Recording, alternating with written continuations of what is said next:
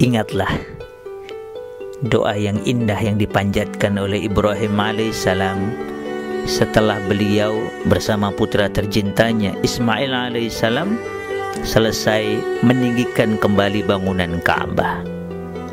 Ibrahim berdoa, Rabbana taqabbal minna إنك أنت السميع العليم.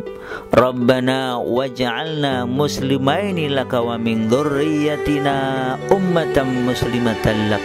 وارنا مناسكنا وتب علينا. إنك أنت التواب الرحيم. ربنا وابعث فيهم رسولا منهم يتلو عليهم آياتك ويعلمهم الكتاب والحكمة ويزكيهم innaka antal azizul hakim. Ya Rob kami terimalah dari kami amalan kami.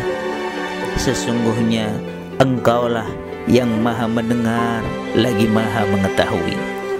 Ya Rob kami jadikanlah kami berdua orang yang tunduk patuh kepadamu dan jadikanlah di antara anak turun kami umat yang tunduk patuh kepadamu dan tunjukkanlah kepada kami cara-cara dan tempat-tempat ibadah haji kami. Dan terimalah taubat kami.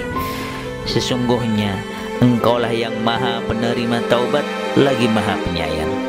Ya Rob kami Utuslah untuk mereka seorang rasul dari kalangan mereka yang akan membacakan kepada mereka ayat-ayatmu dan mengajarkan kepada mereka Alkitab, Al-Quran dan Al-Hikmah As-Sunnah serta mensucikan mereka. Sesungguhnya engkaulah yang maha perkasa lagi maha bijaksana.